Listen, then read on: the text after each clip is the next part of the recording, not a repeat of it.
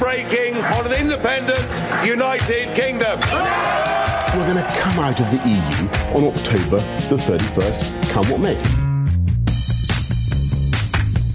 Dit is Brexit Wake Up Call, een podcast van het ministerie van Buitenlandse Zaken. Want of je het nou wil of niet, de Brexit komt eraan. En dus is het belangrijk dat je je als ondernemer goed voorbereidt. Tenminste, als je handel drijft met het Verenigd Koninkrijk. In Brexit Wake Up Call hebben we het met ondernemers en experts over welke maatregelen je moet treffen, zodat de Brexit jouw bedrijf niet in de weg zit. Elke aflevering heeft een thema en deze keer hebben we het over transport. Ja, toch wel een vrij belangrijk onderdeel van handeldrijven. Mijn naam is Koos Tervoren en bij mij aan tafel Laurens de Jong, eigenaar van Henneke Verhuisbedrijf. En Djuke Adimi, werkt bij de coördinatie-eenheid Contingency Planning vanuit het ministerie van Buitenlandse Zaken. Goed, eerst even over Henneke Verhuisbedrijf. U zijn marktleider in Nederland als het gaat om verhuizingen van en naar het Verenigd Koninkrijk. Ehm, die business beslaat ongeveer een derde van de totale business. Jullie doen zo'n 450 verhuizingen per jaar, heen en terug dus. Ja, en die 450 verhuizingen, dat was een beetje in evenwicht van wat er naar het VK ging en weer terug. Maar dat is dus veranderd sinds kort. Hoe komt dat zo? Ja, klopt. Nou, vrij eenvoudig. Eh, de mensen die naar Engeland toe willen verhuizen, die eh, zijn wat afwachtender geworden. Ze willen weten wat er gaat gebeuren als het gaat om immigratieregels en dat soort zaken. Eh, of wat de economie gaat brengen. De mensen die terug willen verhuizen, die zijn wat gegroeid in aantal. Omdat ehm, ja, sommigen willen gewoon niet de ellende afwachten voordat de boel in het honderd loopt. weten niet of contracten verlengd zullen gaan worden. Kunnen een baan krijgen in Nederland en die komen terug. Ehm, dus dat is eigenlijk de, de reden van de de, onbalans die uh, een beetje gaat ontstaan. Ja, dat is dus direct impact op de business. Ja. Um, maar goed, ja, jullie core business is echt transport. We hebben deze aflevering over transport. Um, ja, wat voor uitdagingen staan er jullie te wachten op het gebied van transport? Nou, specifiek, uh, even technisch gesproken, dan, dan is uh, douane is een groot ding. Uh, waar we nu nog vrijelijk goederen kunnen in- en uitvoeren. Dat is straks naar alle verwachting niet meer mogelijk. Dus elke zending zal moeten worden uitgeklaard uit Nederland en ingeklaard in het VK. Mm -hmm. en andersom natuurlijk ook uit het VK uitklaren en inklaren in Nederland. Dus dat zijn allemaal douanehandelingen die moeten gebeuren. Dat vereist extra administratieve mankracht. Je moet software aanschaffen, douaneagenten ja. en dat soort zaken. Dat is gewoon een, een administratieve last. Niet per se heel moeilijk of onmogelijk, maar uh, ja, een flink uh, gedoe uh, wat erbij komt. En Vangen het op? meer mensen? deels, een klein beetje. we zijn niet zo'n heel groot bedrijf, maar dat betekent wel een lastenverzwaring, een taakverzwaring. software aanschaffen hebben we natuurlijk gedaan, mensen getraind. Ehm, het betekent ook dat je wat minder makkelijk kunt plannen, omdat um, het douaneproces dat kost wat meer tijd dan, dan bij wijze van spreken iemand die even heel gek vandaag zegt ik wil overmorgen verhuizen. Dat, dat ja. kan nu heel makkelijk in theorie. Ja. Dat kan straks niet meer. En voor mijn beeld, hoe gaan die verhuizingen? Via Calais of met de boot? De meeste die wij doen, gaan, wij gaan heen met de boot en terug meestal ook. Calais proberen wij een beetje te mijden. Waarom? Uh, door enerzijds de, de, de drukte die daar is. Het is een beetje onvoorspelbaar. Hè. De, de, er klimt wel eens een verstekeling aan boord en zo. Uh, of het wordt gestaakt in Frankrijk. Dat kunnen ze ook goed. En ja. dan, uh, nou, dat, dat is wel eens wat onvoorspelbaar. En de boot is, is bijna clockwork. dat, gaat, dat, gaat, dat is makkelijker voorspelbaar. Ja. Dus ja, Tjoeke, zie je dat veel bij ondernemers? Dat ze toch liever voor de boot gaan dan voor Calais? Daar zou ik niet zo wat op durven zeggen. Want ik weet niet of ze daar liever voor kiezen of niet. Uh, ik weet wel dat de ferries over het algemeen heel goed uh, draaien. En die zitten gewoon eigenlijk altijd vol. Dus vracht moet altijd aangemeld zijn. Ze moeten natuurlijk een plaatsje reserveren. En voor zover ik hoor zitten de ferries eigenlijk uh, altijd goed vol. een moeilijk punt in de hele ja, Brexit-affaire, het, het, transport. Dus hoe gaan we producten eh, naar het VK brengen en weer terug? Is dat echt cruciaal? Ja, ik denk dat dat vanaf het begin is dat een van de, de belangrijkste focuspunten geweest in de hele voorbereidingen op de Brexit. Um, Laurens, ja, die zei het net al, dat het belangrijkste eigenlijk wat verandert zijn de douaneformaliteiten. Maar dat betekent ook dat je, als je dus via de zeehavens, via een van de ferry terminals naar het VK toe gaat, dat je dan um, te maken krijgt overlegd met mogelijke vertragingen bij de ferry. En de huidige manier van werken is eigenlijk heel simpel. Trucks komen aan, rijden bij wijze van spreken ongestoord de ferry op en rijden aan de andere kant weer af. En dat gebeurt zo meteen, kan dat niet meer zomaar. Uh, dus alle focus is erop geweest, hoe kunnen we het zo regelen dat dat nog steeds zo makkelijk mogelijk gaat. En daar heeft Nederland een heel mooi systeem uh, voor, dat eigenlijk al gebruikt werd voor de diepzee containertransporten. Het port-based systeem. En dat is gereed gemaakt en helemaal ook toepasbaar gemaakt voor de ferries. Waardoor je, als je daar je goed in hebt geregistreerd, en dat wordt ook een voorwaarde om dat te doen, dat je dan bij wijze van spreken nog steeds eigenlijk ongestoord uh, door kan rijden bij de ferries. Ja, maar je zegt het is goed geregeld uh, vanuit Nederland. Uh, er gebeurt natuurlijk ook het een en ander aan de andere kant Klopt. van het kanaal. Hebben ze daar ook een portbase? Hoe moet je dat zien? Uh, in principe als ze deze kant uitkomen... en dat zijn dus uh, alle ferries die naar Nederland toe varen... dan geldt dezelfde verplichting om je dus in portbase aan te melden... geldt ook voor inkomende vaarten. Ja. Dat, um, uh, dat is nog wel een uitdaging. En we hebben daarom ook vooral Nederlandse ondernemers die zaken doen in het buitenland en die spullen uit het buitenland halen, hebben we ook om, opgeroepen om hun hele keten, dus ook de partners aan de andere kant, ja. zo goed als mogelijk mee te nemen in de voorbereidingen, zodat ook inkomende zendingen op de goede manier gaan. Uh, Laurens, even terug naar jou. Um, straks uh, is de brexit een feit, waarschijnlijk. Um, en dan wil iemand naar het Verenigd Koninkrijk verhuizen. Uh, stel op 2 december. Uh, kan die dan nog bij jou terecht? Kan hij dan zeggen, nou ik wil op dat tijdstip uh, graag mijn spullen laten ophalen. Dan moet het de volgende dag daar zijn. Kan een klant dan inderdaad ervan uitgaan dat dat gebeurt? Ja, dat uh, moet lukken. Daar ben ik niet zo bang voor. De, de, de timing, de exacte timing is wat lastiger te zeggen. En nogmaals, waar je nu gewoon de ferry af kunt rijden in Engeland... Uh, en met normale verkeersomstandigheden te maken hebt, zoals overal... ga je straks natuurlijk krijgen dat je mogelijke wachttijden hebt. Ehm, omdat mogelijk men het aan de Engelse zijde niet goed voor elkaar heeft. Wat verwacht jij? Um, ik, uh, de berichten wijzen erop dat het in het begin goed zal gaan. Omdat ze heel nadrukkelijk in Engeland hebben gezegd... Uh, de free flow of goods, dat moet doorgaan. Dat is heilig. Anders hebben ze ook geen spullen. Zo simpel is het ook maar weer. Uh, dus ze moeten wel alles laten doorgaan zolang ze geen werkend systeem hebben. En ze zeggen dan dat ze op basis van risicoanalyses... dat ze dan af en toe wat, wat uit de rij pikken, zeg maar. dus in het begin verwacht ik weinig problemen. Um, later, naarmate, het, uh, naarmate ze uh, op het level komen waar ze eigenlijk horen te zijn, omdat ze gewoon te laat begonnen zijn, uh, later zal dat langer tijd kunnen gaan kosten. Ja. Maar dan nog steeds denk ik dat het feit dat die free flow voor hun zo belangrijk is, het zijn spullen die zij nodig hebben, dat zal wel maken dat de soep wat minder heet gegeten wordt dan dat die opgediend wordt, in mijn beleving. Uh, want het is niet in hun belang namelijk om alles uh, tegen te houden. Nee. En, en, wat doe jij om ervoor te zorgen dat uh, het transport van de inboedel van jouw klanten zo spoedig mogelijk aan de andere kant komt of weer terug? Ja, in feite heel simpel. Zorgen dat al je documenten goed op orde zijn. Het, het, het, zo simpel is het ook gewoon. Doen je concurrenten dat ook? Uh, nou, een aantal uh, wel natuurlijk. Hè. Bedrijven die veel op Engeland uh, rijden of regelmatig, die zullen best wel hun maatregelen nemen. Mijn verwachting is dat er, waar wij nu al, al vrij veel werken voor collega-verhuizers die de zending aan ons geven, omdat wij specialist zijn en tegen ja. lagere kosten of efficiënter of beter de spullen kunnen overbrengen, um, dat dat meer zal gaan gebeuren, omdat ze een verhuizer die 1, 2, 3 keer per jaar naar Engeland rijdt nu, zal straks in mijn optiek gaan zeggen, ja. nou dat, dat vinden we te ingewikkeld. Veel gedoe, te lastig. We gaan niet al die dingen voor die voor die paar klusjes doen. Ja. Weet je wat, ik bel wel een specialist op en dan komen ze bij ons. Dat is dan de, de, de, wens en de hoop. En daar gaan we ook, uiteraard zijn we daar volop mee bezig al. In de, in de relatie, in de commerciële sfeer met, met collega's. Als ik dat zo een beetje hoor, dan is het bijna een kans voor jullie de brexit. Nou, zeker is het ook. Dus, dus, het is en een kans en een bedreiging. Als je de bedreiging, de, de, de, de, de, de effecten, als je daar goed mee kunt omgaan, nou, dan heb je dat redelijk getackeld. Je kunt de kosten doorberekenen en zo. En daarnaast doen zich kansen voor. Nou, de kunst is om die ook goed beter pakken. En wat wij ook, ook nadrukkelijk gaan doen, of al bezig zijn te doen, is de, de relaties met de Engelse verhuisbedrijven te intensiveren. Ja. Want zij hebben ook straks spullen naar Nederland te brengen. En zij hebben ook behoefte aan een douaneagent. Waarom kunnen wij dat niet zijn?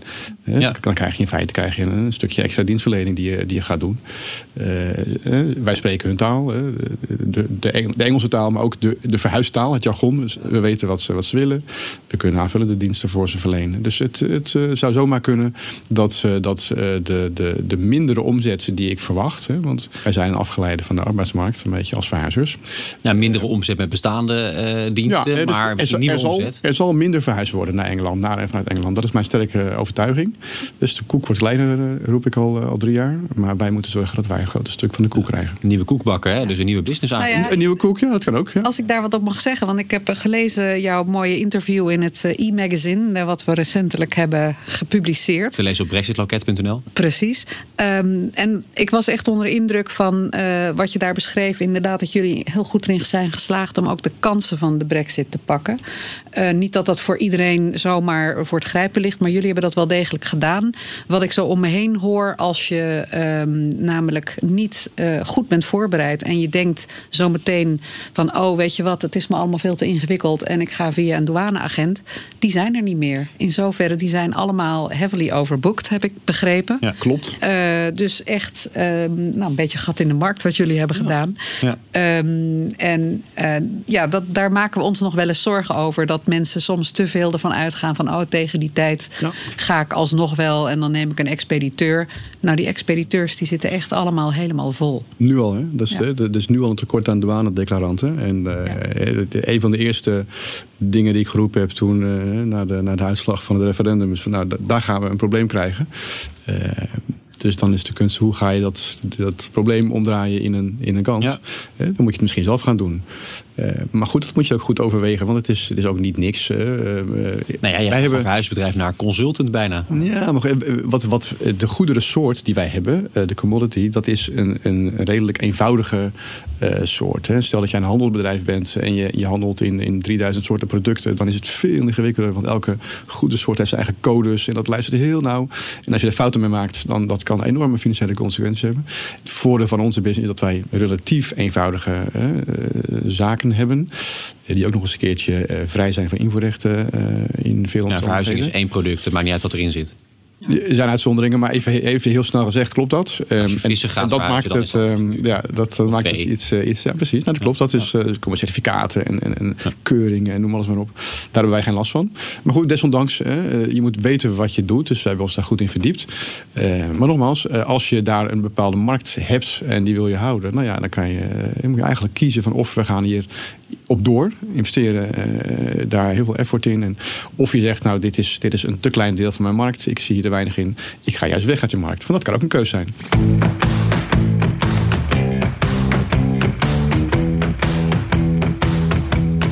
Elke aflevering vragen we onze gast de Brexit Impact Scan te doen. Die kun je overigens ook zelf doen op brexitloket.nl.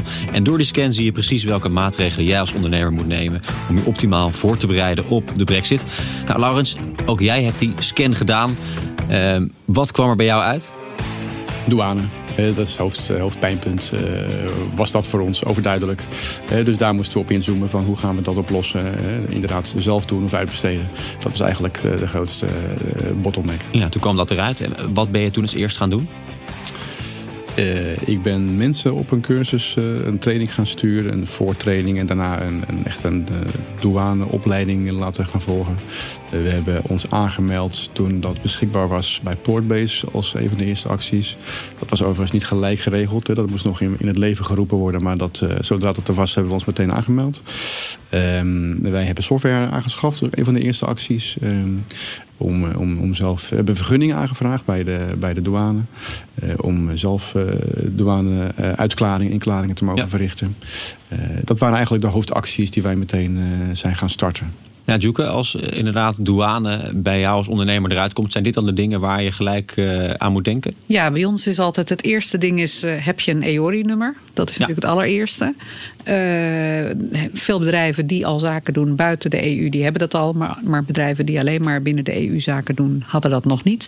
vervolgens moet je inderdaad bepalen, als jij zelf je douaneformaliteiten gaat doen, dan moet je een hoop dingen doen die Laurens ook gedaan heeft. Als je natuurlijk werkt met een expediteur of met een douaneagent, dan is dat wat minder. Ja. Maar dan moet je dus wel zorgen dat je daar al contacten mee hebt. Ja. Als je uh, uh, inderdaad uh, dierlijke materialen, planten, levende dieren gaat verschepen, komt daar nog, komen daar nog checks bij van de NVWA, de Nederlandse Voedselwaardeautoriteit. Um, Portbase heb jij ook genoemd. Dat is ook een hele belangrijke. ICT-systemen op orde krijgen. ICT-systemen, dat is overigens ook als je niet handelt, maar alleen bijvoorbeeld dataopslag uh, hebt, dan moet je heel goed nagaan waar zit dat, uh, waar, waar bevindt zich dat in de cloud. En als dat op een server in het VK zit, moet je dus kijken of je voldoet als het AVG-proof is. Um, Wat zou je adviseren als je nu nog met dat allemaal moet beginnen? Uh, zelf doen of zo'n expediteur in de hand nemen? Nou, uh, niet iedereen ligt er heel erg aan wat voor soort business je doet, hoe vaak en hoeveel. Uh, ik denk dat de ondernemers die echt uh, veel zaken doen dagelijks, ik hoop dat die zich inmiddels allemaal wel in ieder geval enigszins hebben voorbereid en weten wat ze moeten doen en bezig zijn, al dan niet al klaar. Als je af en toe zaken doet met het VK, dan begin dan in ieder geval met de Brexit Impact Scan. Ja. We hebben daar nu nog een hele handige tool aan toegevoegd, die kan je ook vinden op Brexit brexitloket.nl. En dat is een track-and-trace tool. En dat is eigenlijk een, ja, we noemen het een, ja, precies. Het is een soort game waarbij je steeds uh, ja, vragen voorgelegd krijgt, maar dan ook elke keer als je dan een antwoord hebt van, nou nee, dat, dat weet ik nog niet of dat heb ik nog niet, dan wordt ook heel iedere keer een link gegeven of, of wordt een handige tip gegeven van, nou hier kan je dit gelijk regelen. Dus dan word je er bij wijze van spreken stapsgewijs uh, langs geleid.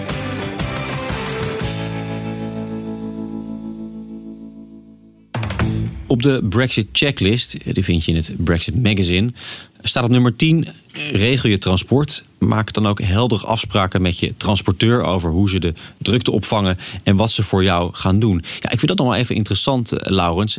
Jij bent natuurlijk eigenlijk transporteur. Um, ja, als ondernemer, kan je er dan van op aan dat de transporteur het goed voor jou regelt? Nee, daar kan je niet blind van uitgaan. Uh, vraag dat goed na. Uh, vraag wie wat doet, wie levert welke documenten aan. Check of de, de vervoerder is aangesloten bij Portbase bijvoorbeeld. Uh, en er zijn nog wel dingen die je vindt in, die, in, in alle Brexit magazines en checklisten. Uh, maar vraag dat goed na, bespreek dat gewoon. En zeg, uh, wat verwacht je van ons en uh, wat verwachten wij van jullie? Ja, want ik kan me voorstellen dat die grote bedrijven... die hebben dat transport natuurlijk allemaal goed geregeld. Maar als je wat kleinere ondernemer bent...